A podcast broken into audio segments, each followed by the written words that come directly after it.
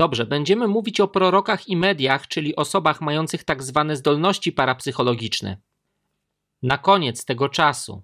Wow, wiem, że coś się dzieje. Jest naprawdę dobrze. Bóg daje dary, ale to my decydujemy, do jakiej duchowej częstotliwości się dostroimy. To dlatego Jezus mówi: Nie sądźcie z pozoru, ale sądźcie sprawiedliwie. Osądzajcie źródło. Musimy ustalić źródło, aby dowiedzieć się, czy to naprawdę Bóg, czy też coś innego albo ktoś inny.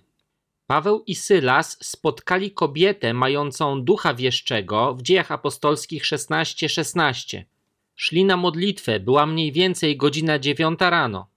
To interesujące, że to była ta sama godzina, w której stąpił Duch Święty w dziejach apostolskich w rozdziale drugim. Dziewiąta rano.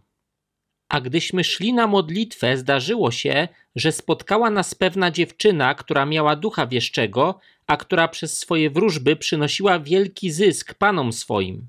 Ta, idąc za Pawłem i za nami, wołała mówiąc: Ci ludzie są sługami Boga Najwyższego i zwiastują wam drogę zbawienia. Czyniła to przez wiele dni. Wreszcie Paweł, znękany, zwrócił się do ducha i rzekł: Rozkazuję ci w imieniu Jezusa Chrystusa, żebyś z niej wyszedł. I w tej chwili wyszedł. Ten duch irytował i nękał ducha Pawła przez proklamację faktu. Nie była to jednak proklamacja prawdy. Jest różnica między faktem a prawdą. Prawda wymaga połączenia motywów z faktami. Z faktami mogą być powiązane ukryte motywy. Fakt może być przekręcony, zniekształcony, wykrzywiony. Prawda natomiast nie. Celem, jaki demon miał w tym, by podążać za Pawłem i Sylasem, wygłaszając zarazem to stwierdzenie, nie było promowanie Królestwa Bożego. Było nim coś innego. Chodziło o promowanie siebie samej, bo wiedziała, że jeżeli oni ją zaakceptują, ten demon o tym wiedział, że jeśli oni ją zaakceptują, to gdy Paweł i Sylas wyjadą, to ona będzie postrzegana jako lider grupy i zaprowadzi ich do innego Boga.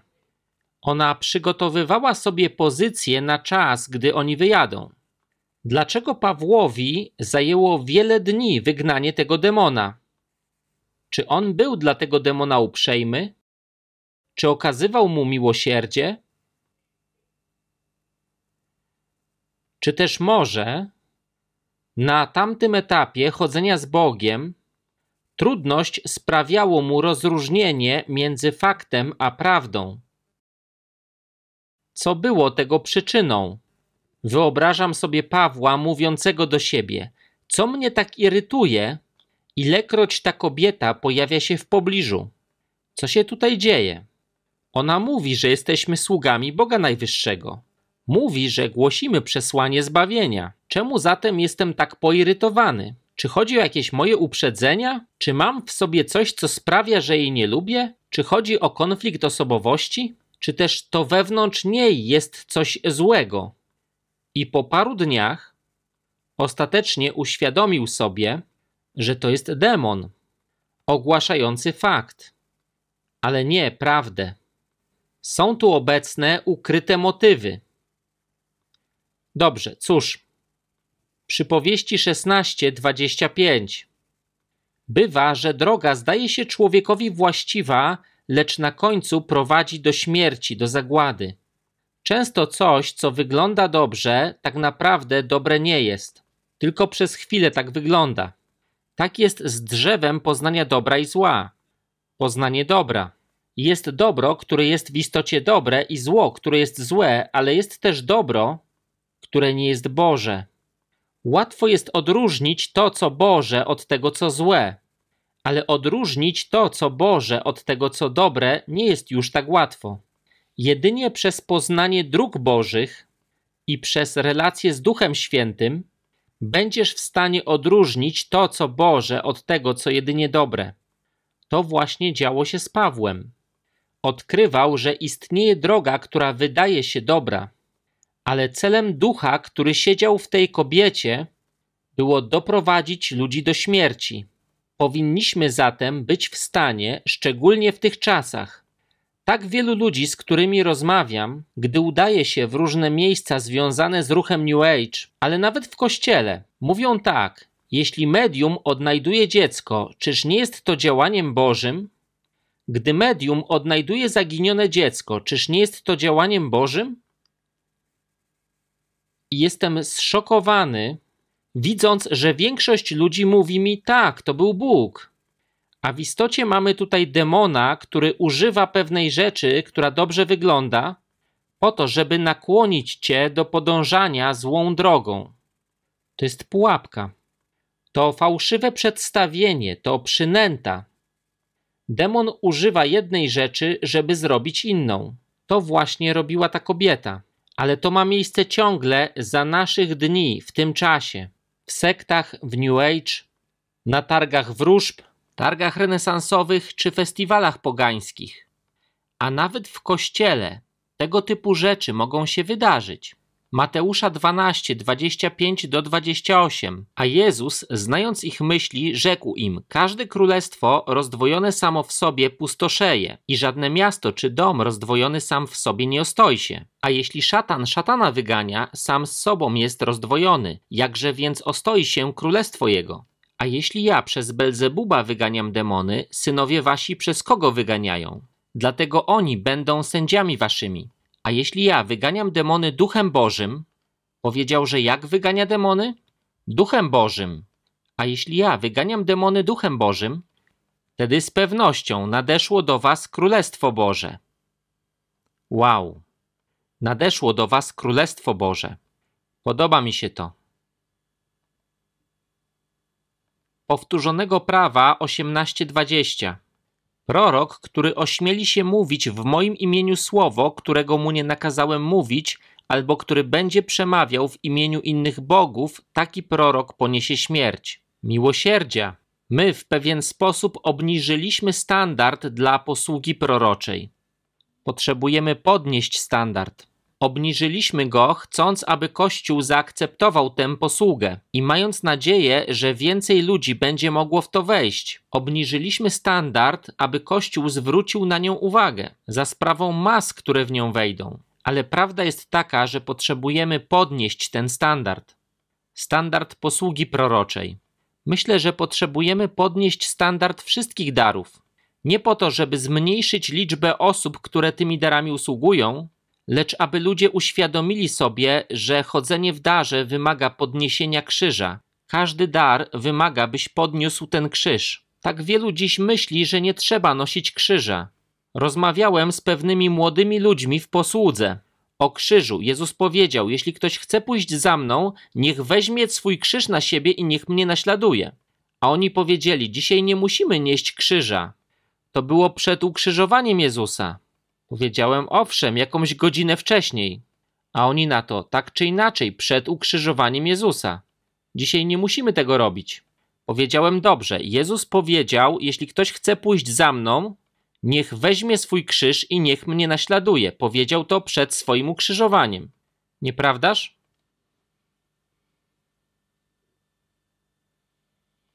Owszem. Ale prawie was na tym złapałem. To było moje podchwytliwe pytanie. Ale on nie powiedział, jeśli ktoś chce podążać za mną przez najbliższą godzinę. Chciał, żeby wiedzieli, że od tej chwili, jeżeli będą chcieli go naśladować, będzie to od nich wymagało wzięcia na siebie krzyża. Czym jest ten krzyż? W zasadzie to jest śmierć dla własnego ja śmierć dla własnego ja. To jest Twój krzyż. To jest krzyż każdego z nas. To, że nie będziesz robił tego, co chcesz. Przyjmujesz to. Zbyt wielu z nas ma problem z uczynieniem tego. Znajdujemy jakie się tylko da wymówki, aby usprawiedliwić nierobienie tego. Nawet przekręcając pismo, aby usprawiedliwić nasze cielesne żądze albo porządliwość oczu, albo pychę życia. Dlaczego diabeł kazał tamtej kobiecie ogłaszać, że ci ludzie są sługami Boga Najwyższego i że zwiastują drogę zbawienia? Bo demon aranżował tę całą sytuację. Próbował zastawić pułapkę na ludzi. Czy zatem zainteresowanie świata rzeczami duchowymi bądź nadprzyrodzonymi nie jest społeczną reakcją na wzbudzone przez Boga zainteresowanie? To nie jest podchwytliwe pytanie. Czy zainteresowanie świata rzeczami duchowymi i sprawami nadprzyrodzonymi nie stanowi społecznej reakcji na wzbudzone przez Boga zaciekawienie? Myślę, że tak jest. Myślę, że dokładnie o to tutaj chodzi. Jaka zatem powinna być? Dobrze, odsuńmy na bok podziały denominacyjne, odsuńmy na bok pentekostalizm i katolicyzm, i anglikanizm, luteranizm, episkopalianizm i tak dalej. Odsuńmy to na bok i mówmy jedynie o Bogu. Jaka jest Boża odpowiedź na zaciekawienie ludzi rzeczami duchowymi? Co Bóg chciałby, żebyśmy zrobili? Co Bóg chciałby, żebyśmy zrobili, aby zaspokoić duchowy głód ludzi, którzy nie mogą znaleźć odpowiedzi na swoje pytania w kościele, w którym ich wychowano? Co robisz, gdy ktoś siedzi naprzeciwko ciebie i pyta cię: To ty jesteś chrześcijaninem? Myślałem, że chrześcijanie w to nie wierzą. Chodzę do kościoła, w którym ludzie wierzą, że moje sny są od diabła, ale ja wierzę, że są od Boga. Nie byłem w stanie znaleźć w kościele ludzi, którzy w to wierzą. Po raz pierwszy od 25 lat natykam się w tych okolicznościach na ludzi, którzy są chrześcijanami. Jesteście pewni, że jesteście chrześcijanami? Jak zareagujesz na coś takiego? Moją reakcją będzie po pierwsze powiedzenie: Owszem, jesteśmy chrześcijanami. Ale poza tym myślę, jakie to smutne, że Kościół nie zaspokaja potrzeby wywołanej stworzonym przez Boga głodem. Przed laty Pan przemówił do mnie i powiedział: Poślę cię do najliczniejszej, niezewangelizowanej grupy w Ameryce. Spytałem, co to za grupa, a Pan powiedział New Age. Odpowiedziałem dosłownie: O nie, Pan powiedział: Kościół ich ignoruje. A ja chcę, żebyś do nich dotarł. Nie chcę, żebyś przyjął ich wierzenia, chcę, żebyś ich kochał i ukazał im prawdę. Nie mogę wam podać imienia tej osoby, ale powiem wam tak. On jest ghostwriterem dla bardzo sławnej osoby i napisał trzy książki o reinkarnacji. On był na jednym ze spotkań, jakie prowadziłem, i duch Pana przyszedł. Wierzcie lub nie, ale on na tym spotkaniu został zbawiony. Oddał swoje życie Panu. Po wszystkim on podszedł do mnie. Wszędzie dokoła leżeli ludzie, duch się poruszał. Podszedł do mnie i powiedział: Wiem, co się tutaj wydarzyło. Powiedziałem: Dobrze. Spytał: Czy wiesz, kim jestem? Nie. Spytał: Czy jesteś pewien, że nie wiesz, kim jestem? Nie. Czy widziałem cię w telewizji i powinienem cię znać? Nie, nie widziałeś mnie w telewizji, ale mogłeś czytać niektóre z moich książek. Spytałem, jakie książki napisałeś? Powiedział, jestem ghostwriterem dla takiego to a takiego. Chyba żartujesz. Naprawdę jesteś ghostwriterem tej osoby? Powiedział, cóż, tak, napisałem te trzy książki. Spytałem, co tutaj robisz? Przyszedłem, żeby zobaczyć, czy jesteś prawdziwy, Powiedział: Szukam prawdy. I jak dotąd Kościół mi tego nie dał. Dlatego napisałem te trzy książki w oparciu o ograniczoną prawdę, jaką znałem. I przyszedłem, żeby dowiedzieć się, czy jesteś prawdziwy. Spytałem, jak sądzisz? Powiedział, jesteś prawdziwy. Spytałem, czy widzisz tych ludzi, którzy tutaj leżą? Nie sądzisz, że jestem jakimś szarlatanem? Powiedział: Nie, uważam, że jesteś prawdziwy. Spytałem: Skąd to wiesz? Powiedział: Widzisz tych ludzi? Może o tym nie wiesz, ale widziałem, jak z twoich dłoni wychodził błękitny płomień. Dotykał ich, zanim ty to zrobiłeś, i oni zaczęli upadać, zanim dotknęła ich twoja ręka. Powiedziałem: Tak więc widziałeś to? Powiedział: Ty też to widziałeś. Odpowiedziałem: Owszem. Ale nie wiedziałem, że ty też to widziałeś. Powiedział: Widziałem. Powiedział: Wiem, że ta moc pochodziła od Boga i widziałem, że przepływa przez ciebie. Powiedział: Może w to nie uwierzysz, ale masz aurę. Powiedziałem: Wierzę w to. Spytał: A jesteś chrześcijaninem? Tak, jestem chrześcijaninem i to takim dość konkretnym. Jak możesz wierzyć, że masz aurę, będąc chrześcijaninem? Odpowiedziałem mu: Nie obchodzi mnie, jak to nazywasz. Gdy Mojżesz zstępował z góry, jaśniał, bo spędził czas ze światłością świata, którą jest Bóg. Jeśli spędzasz czas ze światłem, to wchłoniesz to światło, światło Boże, światłość świata i wrócisz jaśniejąc. On też się uśmiechnął. Zapytał: Tak więc, spędzając czas z Bogiem, możesz rozwijać swoją aurę. Odpowiedziałem: Cóż, jeśli nazywasz to aurą, nazywaj to aurą. Ja mówię tylko tyle, że jeśli będziesz spędzał czas z Bogiem, będziesz coraz bardziej jaśniał. Zostaniesz oświecony. Powiedział: Masz aurę. Masz najbardziej niezwykłą aurę, jaką kiedykolwiek widziałem. Nie wydaje mi się, żebym kiedykolwiek widział aurę taką jak twoja. Spytał: Czy wiesz, jakiego koloru jest twoja aura? Odpowiedziałem: Tak. Czy wiesz, że ona ma kolory? Tak, wiem. Powiedział: Jesteś niezwykłym chrześcijaninem. Powiedziałem: Cóż, nie powinienem być niezwykły. Bóg jest niezwykłym Bogiem w porównaniu z ludzkością. Jego drogi są tak odmienne od naszych. Ludzkość stara się go uczynić coraz bardziej ludzkim, lecz on chce nam nieustannie ukazywać, jak bardzo jest nadludzki. Jest pełen ludzkiego współczucia dla nas, lecz w tym, jak czyni pewne rzeczy, jest niepodobny człowiekowi. Powiedziałem mu: Wiem, że światło, jakie Bóg mi dał w tym okresie mojego życia, sięga wysokości około 45 centymetrów nade mną. Chcę, żeby wzrosło. Chciałbym, żeby oświetlało drogę, którą idę, jak to było w przypadku Piotra.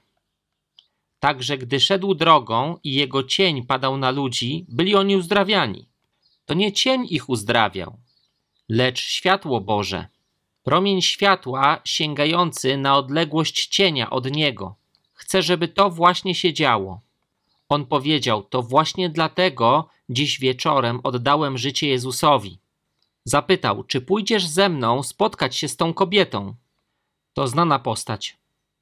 A Duch Święty powiedział: Nikt nie przychodzi do Ojca, jeśli go syn nie pociągnie. Ona nie jest na to gotowa i ty też nie. Poczekaj. Powiedziałem mu: Nie mogę. Bóg jeszcze jej nie pociągnął. Jezus jeszcze jej nie pociągnął. Dlatego nie mogę, zresztą nie jestem na to gotowy. Zepsułbym to. Ale gdy nadejdzie czas, Bóg kogoś pośle. Może mnie, może nie mnie, ale kogoś pośle. Powiedziałem, ale cieszę się, że dziś wieczorem oddałeś swe życie Jezusowi. On powiedział: Popatrz, próbował przekonać mnie do tego, żebym poszedł. Ale powiedziałem: Proszę, nie mogę. Ten sam duch, który dotyka tych ludzi, powiedział mi, żebym tego nie robił. Powiedział mi: Czy wiesz, że napisałem te trzy książki, bo ujrzałem takie przyćmione światło rozmiarów lampki kontrolnej na podgrzewaczu wody, a to, co ujrzałem dzisiaj, miało rozmiar ogniska. To dlatego oddałem moje życie Jezusowi. Powiedziałem mu: Nie rezygnuj.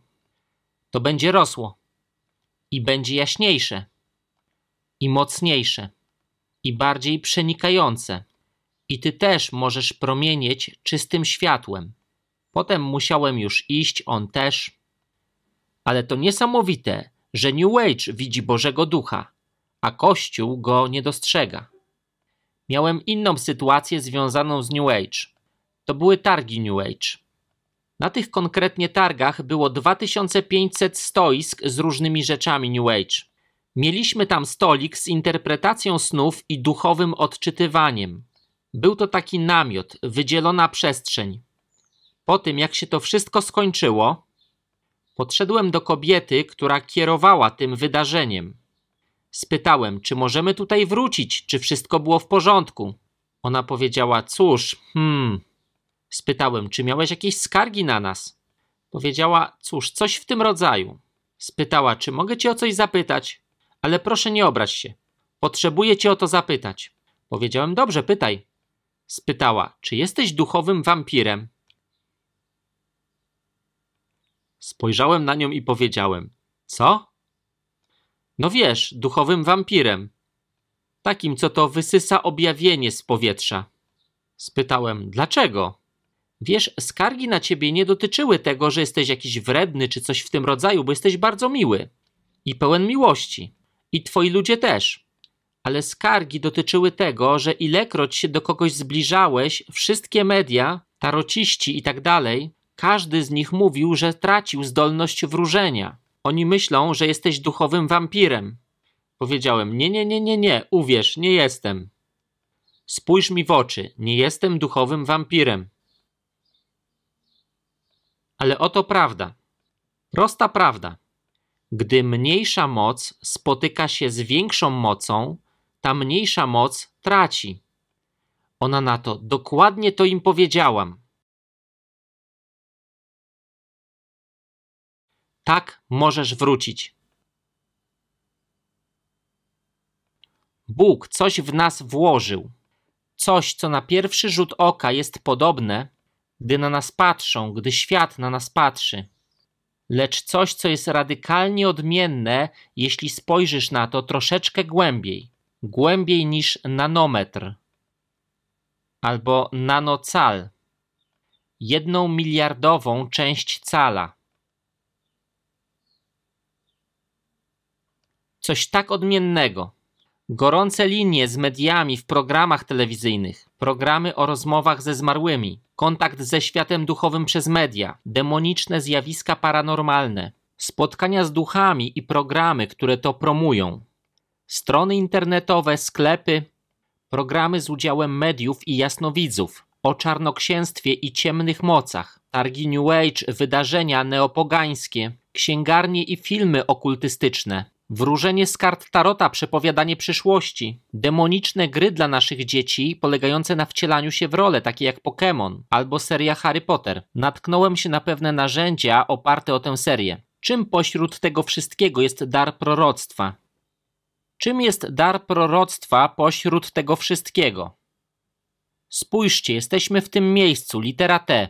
Odpowiedź brzmi: to zdolność do przyjmowania objawienia, a nie samo objawienie. Zatem jak to działa? Oto ja idę przez Venice Beach. Razem z żoną mamy pewnych przyjaciół w przemyśle filmowym, którzy nas tam zabrali. Uczyli nas tam jeździć na rolkach. Skończyliśmy naszą jazdę na rolkach.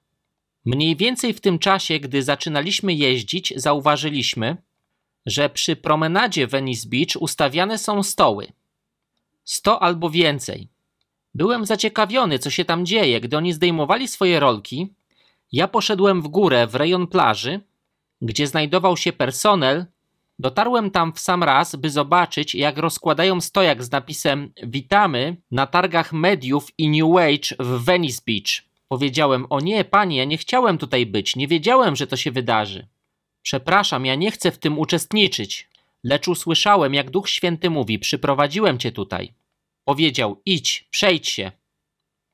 Pomyślałem, że spowoduje jakieś spustoszenie. Pomyślałem, że będą mówić: Co się dzieje, nie mogę wróżyć, co ten człowiek tutaj robi. Pomyślałem o spotkaniu z pewną kobietą na lotnisku w Pittsburghu w stanie Pensylwania, która podeszła do mnie i powiedziała: Czy mogę z tobą porozmawiać? Jasne, mój samolot się spóźnił, porozmawiajmy. Powiedziała: Czy wiesz, że marnujesz swój dar w chrześcijaństwie? Miałbyś znacznie większy wpływ, gdybyś tylko odrzucił chrześcijaństwo i dotknął świata. Ja na to, naprawdę? A ona na to, po prostu czułam, że potrzebuję ci to powiedzieć. Ja na to, hmm. A ona, co o tym myślisz? Powiedziałem, myślę sobie, że służę komuś, kto stworzył tego, komu służysz. Jak więc mogę być ograniczony? Z samej definicji stworzenie nigdy nie może być większe od stworzyciela. Jeżeli zatem ja służę stworzycielowi, a ty stworzeniu, to z definicji nie ja jestem ograniczony, ale ty. A ona na to, och, te twoje pytania są zawsze nie do zniesienia. I wyszła. Pomyślałem sobie, może znowu coś takiego spowoduje. Tak więc przechodzę obok tych stoisk, które są rozstawiane. Niesłychane rzeczy, włosy, zęby, kości, karty tarota. Tego typu rzeczy jeszcze więcej, jakieś szaleństwo. Przechodząc usłyszałem, jak Bóg mówi, to jest oszustwo. A ja mówię, wiem, wiem. I to też jest oszustwo. Wiem, Boże, że to jest oszustwo. Idę dalej i słyszę, jak Bóg mówi, a ten ma prawdziwy dar. A ja na to, nie. Idę trochę dalej i słyszę oszust, tak? Idę dalej, oszust, tak? A ten ma prawdziwy dar, a ja mówię, nie. To nie może być prawdą. Gromie to w imieniu Jezusa. Diable przychodzący jako anioł światła, nie poddam się tobie. To nie jest Boże Słowo, ci ludzie to duchowi idioci. Nie pozwolę, żeby coś takiego miało miejsce. Ale Duch Święty powiedział: To jest prawdziwy dar. Powiedział: Ty nie wiesz, czym jest dar. Co? Ja? Ja nie wiem, czym jest dar? Przecież mam dar, wiesz, że mam dar. Dałeś mi go. A on odpowiedział: Nie, nie wiesz, czym jest dar. Ty myślisz, że dar to objawienie, a tak nie jest. Dar to zdolność do przyjmowania objawienia.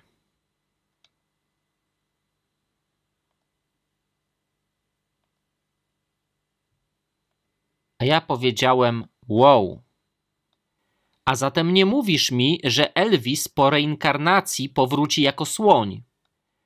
Bo coś takiego właśnie mówiła jedna z tych osób. Nie. To nie jest to, co ci mówię. Mówię ci, że ta osoba ma dar pozwalający jej przyjmować objawienie. Ale Boże, ty nie możesz mi mówić, że to ty do nich mówisz. A on odpowiedział: Nie, nie mówię ci, że to ja do nich mówię. Mówię ci, że te osoby mają dar, który jest nieodwołalny. Ja im go dałem. A potem powiedział mi taką rzecz. Powiedział: Każdemu darowi towarzyszy pewna próżnia. W przypadku nauczyciela i daru nauczania, tą pustą przestrzenią jest coś takiego: daj mi temat do przestudiowania i ludzi, których będę mógł nauczać, bo inaczej umrę. Dla pasterza to jest daj mi ludzi, których będę karmił i pomagał im, bo inaczej umrę. Dla ewangelisty daj mi duszę i królestwo, bo inaczej umrę.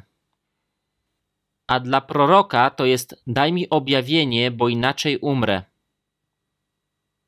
Powiedział: W pewnym momencie przestaje wysyłać sygnały. Pamiętacie Jezebel? Dałem jej czas, aby się opamiętała, ale ona z tego nie skorzystała. Dałem jej czas na opamiętanie się, ale w pewnym momencie, o którym ja decyduję, ta osoba się nie zmienia i w tym momencie ja przestaję wysyłać jej sygnały. Powiedział, że dar jest jak antena satelitarna. Jest dostrojona do satelity wysyłającego objawienie. Ale ja przestaję wysyłać sygnał i taka osoba zostaje z pustym talerzem anteny, do którego nie dociera żaden sygnał. A ta pusta przestrzeń mówi: Daj mi objawienie albo umrę. Wtedy taka osoba odwraca talerz, aby poszukać innej sieci. I znajduje taką sieć. To jest sieć informacyjna. To nie jest objawienie. Objawienie to mówienie o rzeczach, których nie ma, tak jakby już istniały. Natomiast informacja to wiedza. Ale ona jest przebierana i przedstawiana tak, jakby była objawieniem. Tak więc informacja, jaką wysyła im tamten satelita, jest czymś takim. Są to rzeczy, które już są przedstawione tak, jakby ich jeszcze nie było, także gdy się spełnią, będzie się wydawało, że stanowiły one objawienie, a były jedynie wiedzą. To jest coś demonicznego. To jest demoniczne. Dzieje się zatem coś takiego. Demony, które są rozsiane po całym świecie, dostarczają informacji do tej demonicznej sieci A potem ta demoniczna sieć używa daru, który Bóg dał jakiejś osobie, aby przyjęła ona informacje z tej sieci, tę wiedzę. Ale wygląda to tak, jakby to nie była wiedza. Co przez to rozumiem? Wyobraźmy sobie, że dwóch naukowców w Rosji postanowiło zbudować bombę. Jej skonstruowanie zajmie im 5 lat. Demony słyszą ich rozmowę, wrzucają to do sieci, a sieć przekazuje tę informację osobie, która ma dar. I ona mówi: Za 5 lat Rosja będzie miała nową bombę.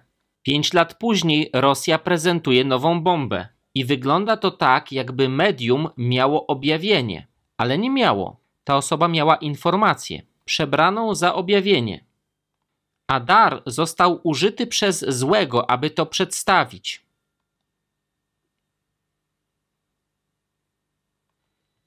Tak, Marto? Mam pytanie. Czy coś takiego nazywa się duchem wieszczym? Tak, bywa to nazywane duchem wieszczym. Takim, który wie pewne rzeczy, posiada wiedzę. Te media kontaktują się z demonami, które znają historię rodziny. To jest wiedza.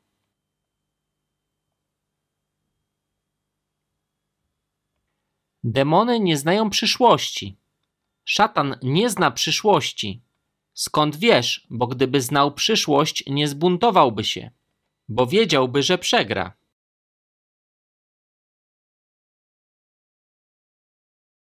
Czy mogą istnieć samospełniające się proroctwa? Tak, jeżeli wierzysz w to, co demon ci powiedział, to się wydarzy, bo dałeś mu pozwolenie na to, żeby to spowodował. Dobrze, czym zatem jest dar proroctwa? To zdolność do przyjmowania objawienia, to antena satelitarna, a nie samo objawienie. Dary i powołania są nieodwołalne. Dar jest jak ten odbiornik, zaś objawienie jest jak sygnał z satelity, lecz nie jest ono darem. Ważne jest, żebyście czynili to rozróżnienie. Objawienie to nie to samo co dar. Darem jest zdolność do przyjmowania go. W Izajasza 41 Bóg rzuca wyzwanie mocą ciemności. To wyzwanie zasadniczo polega na tym, że mówi on: Jesteście wróżbitami, przepowiedzcie nam przyszłość. Ogłoście od początku, jaki będzie koniec. Ukażcie nam to. W Izajasza 44 rzuca to samo wyzwanie. Tak samo w księdze Jeremiasza. Wygląda na to, że za każdym razem, gdy Bóg posyłał jakiś poważny głos proroczy, nieprzyjaciel posyłał ludzi, którzy to imitowali. Izajasza 44, tak mówi Pan, król Izraela i jego odkupiciel, Pan zastępów. Ja jestem pierwszy, ja jestem ostatni i nie ma Boga oprócz mnie. Kto może zwiastować tak jak ja? Niech to ogłosi i przedstawi to przede mną. Słowo przetłumaczone jako ogłosić to negat. Znaczy ono przepowiadać przyszłość. Nagat. N-A-G-A-D. Nagat przepowiadać przyszłość. Kto przepowiedział przyszłość od wieków i to, co ma nadejść, niech nam obwieści. Nie trwóżcie się i nie lękajcie się. Czy wam tego już dawno nie opowiedziałem i nie zwiastowałem? Wy jesteście moimi świadkami. Jest tutaj mowa o czymś takim. Bóg mówi: Izraelu, drżycie, widząc tych ludzi, o których myślicie, że mają dar.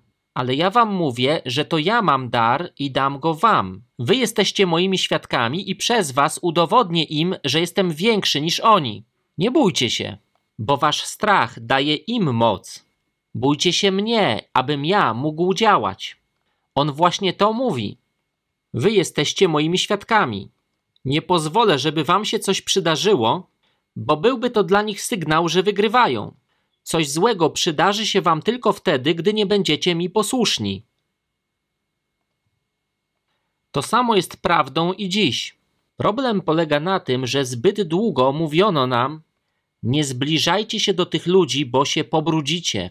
To było tak, jakbyśmy mówili: Większy jest ten, który jest w nich, niż ten, który jest w nas. Za każdym razem, gdy mówisz, ciemność cię pokala, Mówisz w istocie, większy jest ten, który jest w nich, niż ten, który jest w tobie. A tak po prostu nie jest. Ale trzeba to robić mądrze. Musicie zrozumieć to, co się dzieje. Osobie niewyszkolonej nie powierza się służby przy broni nuklearnej. Taką osobę się szkoli i naucza. Posłanie kogoś lub nie nie jest tutaj kwestią Boga, lecz kwestią wiedzy, zrozumienia. Bóg jest jedynym stwórcą, nie ma innego stwórcy. Szatan nie jest stwórcą. On nie daje ludziom darów. On je zniekształca, wypacza je, ale ich nie daje. Wszelki dar dobry i doskonały pochodzi z góry. W nim wszystko zostało stworzone. To, co na niebie i na ziemi, rzeczy widzialne i niewidzialne, czy to trony, czy panowania, czy zwierzchności, czy moce, wszystko przez niego i dla niego zostało stworzone. Hebrajskie słowo bara oznacza powoływanie rzeczy do istnienia, robienie czegoś z niczego. W Piśmie Świętym słowo bara opisuje wyłącznie działanie Boga, a nie aktywność szatana czy ludzką. Bóg bara wszystko. Wziął nic i zrobił coś z niczego. Wszelki dar dobry i doskonały pochodzi od Boga. Nadprzyrodzone dary pochodzą od Boga, który jest duchem. Wszystkie dary pochodzą od Boga, choć niektórzy ludzie nie używają tych darów dla Niego. Możesz mieć dar Boży i nie używać go dla Boga. Masz wybór, jak go użyjesz.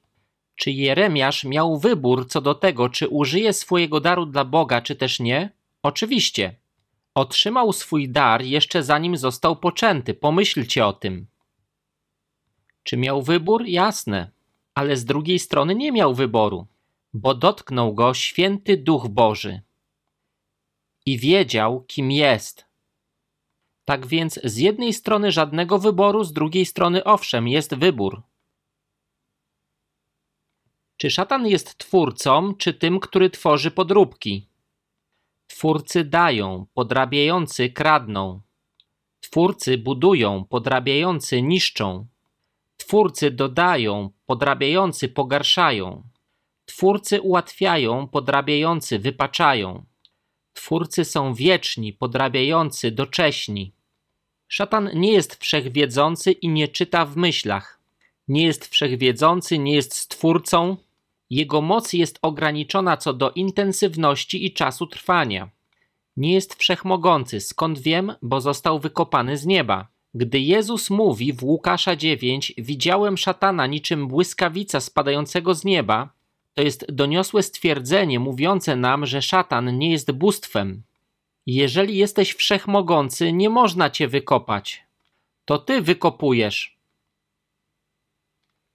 To, że został wykopany, mówi nam, że nie jest boski i nie jest wszechmogący. Jezus stworzył Lucyfera, który stał się znany jako szatan. Szatan może kopiować, podrabiać, może przekręcać i wykrzywiać to, co stworzył Jezus, ale nie może być twórcą. Jest tylko jeden stwórca. Jeden, a nie dwóch. Szatan nie jest wszechobecny. Skąd wiemy, że nie jest wszechobecny? Nie może być w Indiach i w Dallas w tym samym czasie. Skąd wiesz? Bo nie jest wszechobecny. Skąd wiesz, że nie jest wszechobecny? Bo został wykopany z nieba. Jak możesz być nieustannie obecny w jakimś miejscu i zarazem zostać z niego wyrzuconym? Pomyślcie o tym. Nie da się. Nie jest wszechobecny, nie jest wszechwiedzący, nie jest wszechmocny i wiemy, że nie jest niezmienny. Skąd to wiesz? Bo został wykopany, a to znaczy, że się zmienił. O, nie jest wieczny. Skąd wiesz, że nie jest wieczny? Bo został stworzony. Wszystko zostało stworzone przez Jezusa, zarówno na niebie, jak i na ziemi. Rzeczy widzialne i niewidzialne, to co nad ziemią, na ziemi i pod ziemią, wszystko. Zwierzchności, trony, panowania, moce, wszystko. O ludzie! Moce duszy są pobudzane, zasilane przez szatana. Tak działała wróżka z Endor i tak działała kobieta opisana w dziejach 16:16. 16. One miały ducha wieszczego, Szatan nie daje podrabianych darów, ale podróbką jest jego wykorzystanie darów. Zwróćcie uwagę, że egipscy magowie Janes i Jambres, przy czym Janes znaczy bunt i zwodziciel, a Jambres znaczy przeciwnik. Inne znaczenie tego słowa to chmura piany. To taka kategoria. Szatan może wpuścić w dar swoją moc, może go wykorzystać, ale nie daje darów. Szatan psuje dary duchowe, powodując, że używa ich dusza, a nie duch. Dary mogą zostać zepsute. To dlatego mamy astroprojekcję, czyli przenoszenie się mocą duszy, jako coś przeciwstawnego przenoszeniu się za sprawą ducha, które nie jest czymś, co wytwarzamy samemu, bo sprawia to Bóg. Ludzkość zawiniła uwielbieniem stworzenia. Rzymian 1, 22 do 25. Mienili się mądrymi, a stali się głupi. Zamienili obraz nieśmiertelnego Boga na obraz śmiertelnego człowieka, a nawet ptaków, czworonogów i płazów. Dlatego wydał ich Bóg na łup nieczystości i porządliwości ich serc, aby bezcześcili swoje ciała między sobą, bo zamienili prawdę na kłamstwo i służyli stworzeniu zamiast Stwórcy, który jest błogosławiony na wieki. Amen. Stworzenie Jakakolwiek rzecz, której służysz oprócz Boga, jest stworzeniem, czy to duch, czy ciało, jest istotą stworzoną. Szatan może zrobić rzeczy, których Bóg nie zrobi, bo są niezgodne z jego charakterem. Bóg jest w stanie je zrobić, ale są niezgodne z jego charakterem. Na przykład, Bóg nie stworzy Boga większego niż on. Pomyślcie o tym. Czy Bóg mógłby stworzyć innego Boga? Sam fakt jego stworzenia przekreślałby jego bóstwo, bo nie byłby odwieczny. Jeśli jesteś stworzony, to nie możesz być odwieczny. To byłoby niezgodne z jego charakterem. Czy może to zrobić? Prawdopodobnie tak, bo on wie rzeczy, o których my nie wiemy, ale byłoby to niezgodne z jego charakterem. Kiedy rozmnożył chleby i ryby, nie użył kamieni, aby zamienić je w chleb. Użył bochenków chleba, aby uczynić więcej bochenków, i ryb, aby uczynić więcej ryb. To jest w jego charakterze. Musimy zrozumieć drogi Boże. To mówi nam o tym, co zrobiłby szatan, a co zrobiłby i czego nie zrobiłby Bóg. Przytoczony wcześniej werset listu do Rzymian mówi, że ludzie są winni bałwochwalstwa, gdy przypisują dzieła Boże diabłu. Bóg jest jedynym, który jest w stanie przepowiedzieć przyszłość. Media, jasnowidze i tym podobni jedynie przedstawiają pewne sprawy tak, jakby Bóg je wypowiedział. Nie prezentują prawdy, choć mogą przedstawiać fakty, lecz nie prawdę. Izajasza 26, 9 i 10 oraz Izajasza 42, 7 i 9 mówią właśnie o tym. Bóg odbiera chwałę, czyniąc to, czego nikt inny nie mógłby zrobić. Uzdrawianie, uwalnianie, przepowiadanie przyszłości to tylko niektóre z tych rzeczy. A zatem negowanie proroctwa, uzdrowienia, uwolnienia, dodałbym też snów, wizji itd., tak jest negowaniem sposobów, jakich Bóg używa, by wsławić siebie samego. Negowanie tego, że Bóg mówi przez sny i wizje, przez proroctwa, że dokonuje nadprzyrodzonych dzieł, uzdrowień, uwolnień itd., tak to negowanie środków, przez które Bóg się wsławia. Gorące linie wróżek i mediów zadają wiele pytań, gromadząc wiedzę w celu sformułowania przepowiedni, ale tak naprawdę tworzą w ten sposób Twój profil psychologiczny i dają Ci odpowiedź w oparciu o ten profil. Rozmawiałem o tym z byłymi pracownikami takich gorących linii. Czy to nie jest ciekawe? Zadają ci 25 pytań, określają w ten sposób twój profil psychologiczny, a potem rozmawiają z tobą w oparciu o ten profil. O! I sprawiają, że myślisz, Bóg musiał ci to powiedzieć. Istnieje demoniczna sieć informacyjna Demony, obserwując to, co się dzieje, przekazują informacje mediom. I jak powiedziałem, widzą kogoś planującego przyszłość, a potem prorokują to, co już usłyszały w formie planu, przepowiadają, że to się wydarzy. Sprawiają w ten sposób wrażenie, że znają przyszłość. Chowańce to demony domowe przypisane do poszczególnych osób i rodzin. Istoty te gromadzą informacje, a sieć przekazuje ich słowa, nadając im pozór ukrytych tajemnic.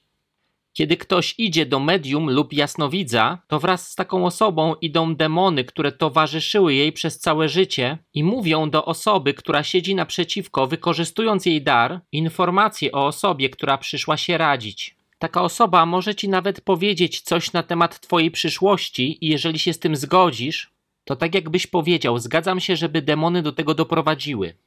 Jeżeli dasz im pozwolenie, to one będą mogły ci zrobić wszystko, co powiedziały, że ci zrobią. Ta demoniczna sieć opiera się na ograniczonej wiedzy, zdobywanej przez obserwacje. One nie mogą przepowiedzieć ci przyszłości, bo jej nie znają. Nie mogą cię poprowadzić w przyszłość i przeprowadzić cię przez nią, bo jej nie znają. Jakże więc mogłyby cię prowadzić i być twoimi przewodnikami? Boży prorocy ukazują chwałę Boga. Myślę, że nadszedł czas, abyśmy powstali jak Eliasz i byli w stanie powiedzieć z wielką ufnością: Wylejcie na to więcej wody. Teraz jest nam trudno powiedzieć nawet: Wstańcie i stańcie tam, zobaczymy, co Bóg zrobi.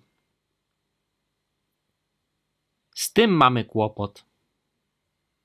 Ale to się zmieni. To się zmienia to się zmienia.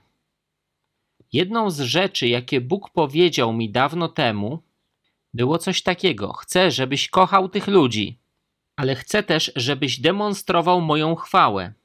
Kochaj tych ludzi i przejawiaj moją chwałę. Powiedział mi, żebym nie myślał o rozpruwaniu tych ludzi, jak uczynił to Eliasz na górze Karmel. Kiedy rozpruł 450 proroków Baala i 400 proroków Aszery. Wiecie, co on z nimi zrobił? Odciągnięto im ręce do tyłu. Osoba stojąca z tyłu trzymała ręce, kładła stopę na plecach i odciągała ręce do tyłu. Ciało takiego człowieka wyginało się w łuk, a wtedy przychodził Eliasz i je rozcinał, aż wypływały wnętrzności. Czytajcie historię. To nie był piękny widok. Pan powiedział mi, żebym tego nie robił. I tak bym tego nie zrobił. Chciał mi powiedzieć, synu, oni potrzebują miłości. Nie potrzebują akceptacji swego daru, potrzebują miłości. Potrzebują, żeby ktoś zademonstrował im dar większy niż ich dar. Boży prorocy objawiają Bożą chwałę. Myślę, że czas, abyśmy powstali wiedząc, że każdy dar dobry i doskonały zstępuje z góry. Szatan nie daje darów, nie może dać tego, czego nie ma. Wszystkie dary są stworzeniem, szatan nie jest stwórcą. Nie może tworzyć darów, które by dawał. Lecz są prawdziwe dary Boże. Medium mówi: Mój dar jest od Boga. Prawdopodobnie ma rację. Jeżeli ma prawdziwy dar, to jest on od Boga, ale objawienie od niego nie pochodzi to tak naprawdę nie jest objawienie, lecz informacja. Czy to ma dla Was sens? Czy negując proroctwo odrzucasz dar, przez który Bóg się wsławia? Odpowiedź brzmi tak. Izajasza 42, 8, 9. Ja jestem Pan, takie jest moje imię, nie oddam mojej chwały innemu ani mojej czci wizerunkom. Oto wydarzenia dawniejsze już się dokonały, a ja ogłaszam nowe rzeczy. Zanim wykiełkują, mówię wam o nich. Bóg mówi: Przepowiem wam przyszłość i w ten sposób przyjmę chwałę. Jeżeli twierdzisz, że robisz to sam, to uszczkniesz sobie dział mojej chwały, bo jest to coś, co tylko ja mogę zrobić. A jeżeli twierdzisz, że robisz to sam, to tak jakbyś mówił, że jesteś Bogiem. Nie przypisuj sobie działu w mojej chwale. Nie podawaj się za Boga. Będę przez ciebie działał, użyję cię, by ogłaszać pewne rzeczy, ale ja jestem Bogiem, a ty nie. W zasadzie o tym tutaj jest mowa. Jak rozpoznać różnicę pomiędzy tym, co jedynie dobre, a tym, co Boże? Mmm. Dobre, a Boże. Hebrajczyków 4:12, bo słowo Boże jest żywe i skuteczne, ostrzejsze niż wszelki miecz obosieczny, przenikające aż do rozdzielenia duszy i ducha, stawów i szpików, zdolne osądzić zamiary i zamysły serca. Co było słowem Bożym, gdy pisano ten list? Nie było nim to.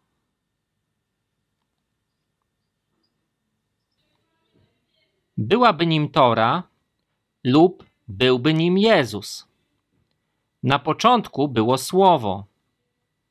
Słowo było Bogiem. Słowo było u Boga. Tak w zasadzie jest tu napisane, że Jezus był Torą. Albo jest tu w istocie napisane, że Jezus w Tobie rozróżnia między dobrem a złem, duszą i duchem, drzewem poznania a drzewem życia. Może być trudno przypatrzeć się temu i rozeznać, ale On z pewnością wie, jak pokazać Wam różnicę. Łatwo jest odróżnić to, co Boże, od tego, co złe. Trudno zaś jest odróżnić to, co dobre, od tego, co Boże. To ta sama stara bitwa i ta sama pokusa, że możecie stać się jak Bóg. Brzmi to nieźle. Wow, gdybym stał się jak Bóg, mógłbym zrobić tak wiele dobrych rzeczy dla świata. Brzmi to naprawdę dobrze, ale jest to niszczycielskie i złe. B. Tchnienie życia odnosi się do życia zarówno w sferze naturalnej, jak i duchowej. Ludzkość miała żyć w dwóch różnych wymiarach: w wymiarze naturalnym odnoszącym się do Ziemi i duchowym odnoszącym się do Boga. Adam został ukształtowany z bezkształtnego prochu Ziemi. Musiało zostać do niego dodane coś duchowego, zewnętrznego. Proch jest bezkształtny, ale Adam został z niego ukształtowany. Adam został ukształtowany z prochu ziemi, który był bezkształtny. Musiało zostać weń tchnięte coś z zewnątrz, aby nadać mu kształt. Musiało zostać dodane coś z zewnątrz. Rzymian 8:29. Bo tych, których przedtem znał, przeznaczył, aby stali się podobni do obrazu jego syna, a on, żeby był pierworodnym pośród wielu braci. Stajemy się podobni do obrazu Jezusa. My, wzięci z prochu ziemi, wciąż jesteśmy kształtowani na ten obraz. Ludzkość przez upadek straciła wyższy wymiar życia duchowego. Przez upadek, występki i grzech. To nie był jedynie upadek, to była duchowa śmierć.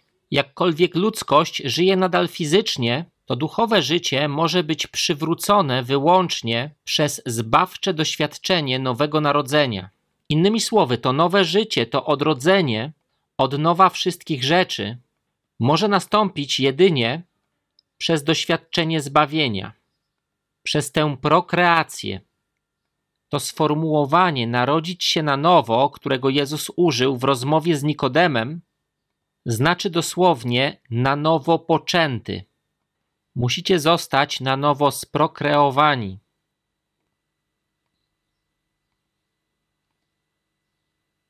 Człowiek, któremu powiedziano, że w dniu, gdy zje owoc, umrze, żył jeszcze 970 lat. To nie wygląda na śmierć w ciągu 24 godzin. To był dzień trwający tysiąc lat. W Psalmie 90 Mojżesz napisał, że tysiąc lat jest dla Pana jak dzień wczorajszy, który minął. Piotr napisał, że tysiąc lat jest dla Pana jak jeden dzień, a jeden dzień jak tysiąc lat. Zaś Mojżesz napisał, że tysiąc lat w Twoich oczach jest jak dzień wczorajszy, który minął. Tysiąc lat jak dzień, dzień jak tysiąc lat. Adam umarł po 970 latach. Stanowi to okres o 130 lat krótszy niż tysiąc lat. Adam umarł na 130 lat przed upływem tysiąca lat. My żyjemy około 70 lat, czyli przez czas o 930 lat krótszy od tysiąca, bo zepsucie skaziło ziemię. Adam i Ewa doświadczyli natychmiastowej śmierci wyższego stanu życia duchowego i musieli żyć w niższych sferach życia oparciu o cielesną naturę. Adam żył 930 lat, mówiłem o tym. Jesteśmy powołani do tego wyższego wymiaru duchowego, gdy Bóg tchnął swe życie w Adama, udzielił mu wyższych duchowych zdolności i uzdolnił Adama do funkcjonowania w tym wymiarze. Jednakże jego duchowa świadomość uległa otępieniu i zniekształceniu wskutek pojawienia się grzechu w jego życiu przez upadek. Podobnie, gdy stajemy się nowym stworzeniem przez doświadczenie nowego narodzenia, te zdolności zostają nam przywrócone przez odrodzenie. zostają w nas odnowione, przywracając nas do stanu, jaki Bóg zamierzył dla Adama. Innymi słowy, gdy przyszedł Jezus, dokonał tego, czego nie mógł zrobić pierwszy Adam i stał się ostatnim Adamem, aby przywrócić nas do tego, co pierwotny Adam powinien był zrobić. Jezus wszystko nam przywrócił. Wskutek tej nowej prokreacji stajemy się duchowymi niemowlętami, mającymi duchowe zdolności, których potencjalnie możemy używać. To od ciebie zależy, czy je uchwycisz. 1 Piotra 2:3. Jako nowonarodzone niemowlęta zapragnijcie niesfałszowanego duchowego mleka, abyście przez nie wzrastali ku zbawieniu. Jeżeli zakosztowaliście, że Pan jest dobrotliwy, przy nowym narodzeniu nie jest źle mieć pragnienie mleka, ale gdy dorastasz, rezygnujesz z tego i przestawiasz się na mięso. Pisze nam o tym Paweł. Hebrajczyków 5. Pokarm stały jest dla dorosłych, pokarm stały, czyli mięso. Jeśli skupiamy nasze wewnętrzne pragnienia na rzeczach wiecznych, rezultatem będzie rozwój tego, co wieczne. Jeśli głównym przedmiotem naszego zainteresowania i akcentem jest rozwijanie naturalnych zdolności, to nasze doczesne życie będzie dzięki temu wygodniejsze, lecz nasze duchowe zdolności pozostaną niedorozwinięte. Możemy rozwinąć życie fizyczne, ale mieć niedorozwinięte życie duchowe. Nie będziemy w stanie funkcjonować w wymiarze ducha. Jeśli naszym celem i skarbem czynimy rzeczy duchowe, to nie tylko dojdziemy dalej w sferze ducha, ale też znacznie dalej w sferze ziemskiej, bo pamiętamy, że duchowy człowiek został powołany do panowania nad wymiarem ziemskim. Dusza versus duch. Możecie to przeczytać 1 Jana 2,16, Księga Rodzaju 3, 1 do 6. Porównanie wymiaru duchowego. Księga Rodzaju mówi o pysze życia, o porządliwości ciała i porządliwości oczu. Sprowadza się to do tego: pycha życia, czyniący mądrym, umysł, porządliwość ciała, zdatny do jedzenia, wola, porządliwość oczu, przyjemny dla oczu, emocje. Macie to? Pycha życia, czyniący mądrym, Spojrzała na owoc i pomyślała, że jest pożądany dla zdobycia mądrości. Pycha życia. Jan pisze w pierwszym liście Jana 2,16 Wszystko, co jest na świecie, porządliwość ciała, porządliwość oczu, pycha życia. Pycha życia to aspekt czynienia kogoś mądrym, czyli umysł, porządliwość ciała, dobry do jedzenia. Ewa zobaczyła drzewo i ujrzała, że jego owoc jest dobry do jedzenia. To równa się woli, Porządliwość oczu. Ujrzała, że owoc jest przyjemny dla oczu. To są emocje. Tak więc wiedza przychodzi przez umysł. Dusza to umysł, wola, emocje. Zaś duch to mądrość, społeczność i sumienie. Dobrze, bardzo krótko, za chwilę skończymy. To jest to, mamy to na tej stronie. Dwie strzałki, które macie na tej stronie. Myślę, że to jest na stronie 119 waszej książki. Po lewej macie strzałkę, nad którą jest napisane media, a po prawej taką, nad którą jest napisane prorocy. W pewnym sensie można umieścić pod mediami drzewo poznania, zaś pod prorokami drzewo życia. Media, drzewo poznania dobra i zła. To jest drzewo duszy, Opiera się ono na sieci informacyjnej. Rzeczy, które już istnieją, są przedstawiane tak, jakby ich jeszcze nie było. Rzeczy, które już istnieją, przedstawiane jako takie, które jeszcze nie istnieją i ogłaszane tak, jakby istniały. Tutaj zaś macie proroków i drzewo życia, to jest drzewo ducha, przez objawienie od Boga Wszechwiedzącego, Rzeczy, których nie ma, powoływane są do bytu. Bóg chce, aby duch panował w ludziach spożywających z drzewa życia. Powtórzę, drzewo poznania powoduje, że rzeczy, które już istnieją, wydają się jeszcze nie istnieć, także gdy się je przepowiada, wygląda na to, że ta przepowiednia się wypełnia. A przy tym drzewie to, czego jeszcze nie ma, ogłaszane jest jakby już istniało i w ten sposób spełnia się. Dlatego zwiedzenie znajduje się przy tym drzewie. Jan pisze i Paweł pisze, że on jest kłamcą od początku, bo on dodaje do tego swoje stanowisko. Przekręcał słowo wobec Ewy, przekręcał słowo wobec Jezusa. I dziś ciągle robi to samo. Bóg chce, aby duch prowadził ludzi, gdy jedzą z drzewa życia. Szatan chce, żeby to dusza kierowała ludźmi, gdy spożywają owoc z drzewa poznania dobra i zła. Jezus przyszedł, aby ponownie otworzyć drzwi do ogrodu i dać nam kolejną szansę spożywania z drzewa życia. Aby to robić, musisz codziennie rezygnować ze spożywania z drzewa poznania dobra i zła. Nazywa się to sprawiedliwością. Możesz spożywać z tego drzewa wyłącznie przez to, że zrezygnujesz ze spożywania z tamtego drzewa. Sprawiedliwość. Dobrze. Nieodwołalne są dary i powołania Boże. Prawdopodobnie czytałeś ten fragment z Rzymian 11:29, myśląc, że dotyczy to jedynie chrześcijan, ale to nie jest ścisłe. Przez wszystkie lata usługiwania osobom uwikłanym w New Age i wróżenie nigdy nie wątpiłem, że ci mężczyźni i kobiety mają Boże powołanie nad swoim życiem, ale z takiego czy innego powodu postanowili podążać za innym Bogiem. Kościołowi brakuje nie tylko darów tych mężczyzn i kobiet, ale też zadania w królestwie, które oni mieli wypełnić. On stworzył ich do wykonania zadania. Najważniejsze punkty. Duchowy dar proroctwa to zdolność do przyjmowania objawienia, a nie samo objawienie. Zapamiętajcie to, on jest jak talerz anteny satelitarnej. Wszystkie dary pochodzą od Boga, szatan nie jest twórcą. On jedynie podrabia to, co już stworzono, a stwórcą jest Bóg. Bóg przyjmuje chwałę, czyniąc to, czego nikt inny nie mógłby uczynić, uzdrawiając, uwalniając, przepowiadając przyszłość. Rozróżnianie między dobrem a złem to dar, który należy sprawować przez poznanie Słowa Bożego. Dusza składa się z umysłu, woli i emocji. Reprezentuje ją drzewo poznania dobra i zła. Duch składa się z mądrości, społeczności i sumienia. Reprezentuje go drzewo życia. Zachowajcie to rozróżnienie i do następnego razu. Niech Bóg błogosławi Was wszystkich.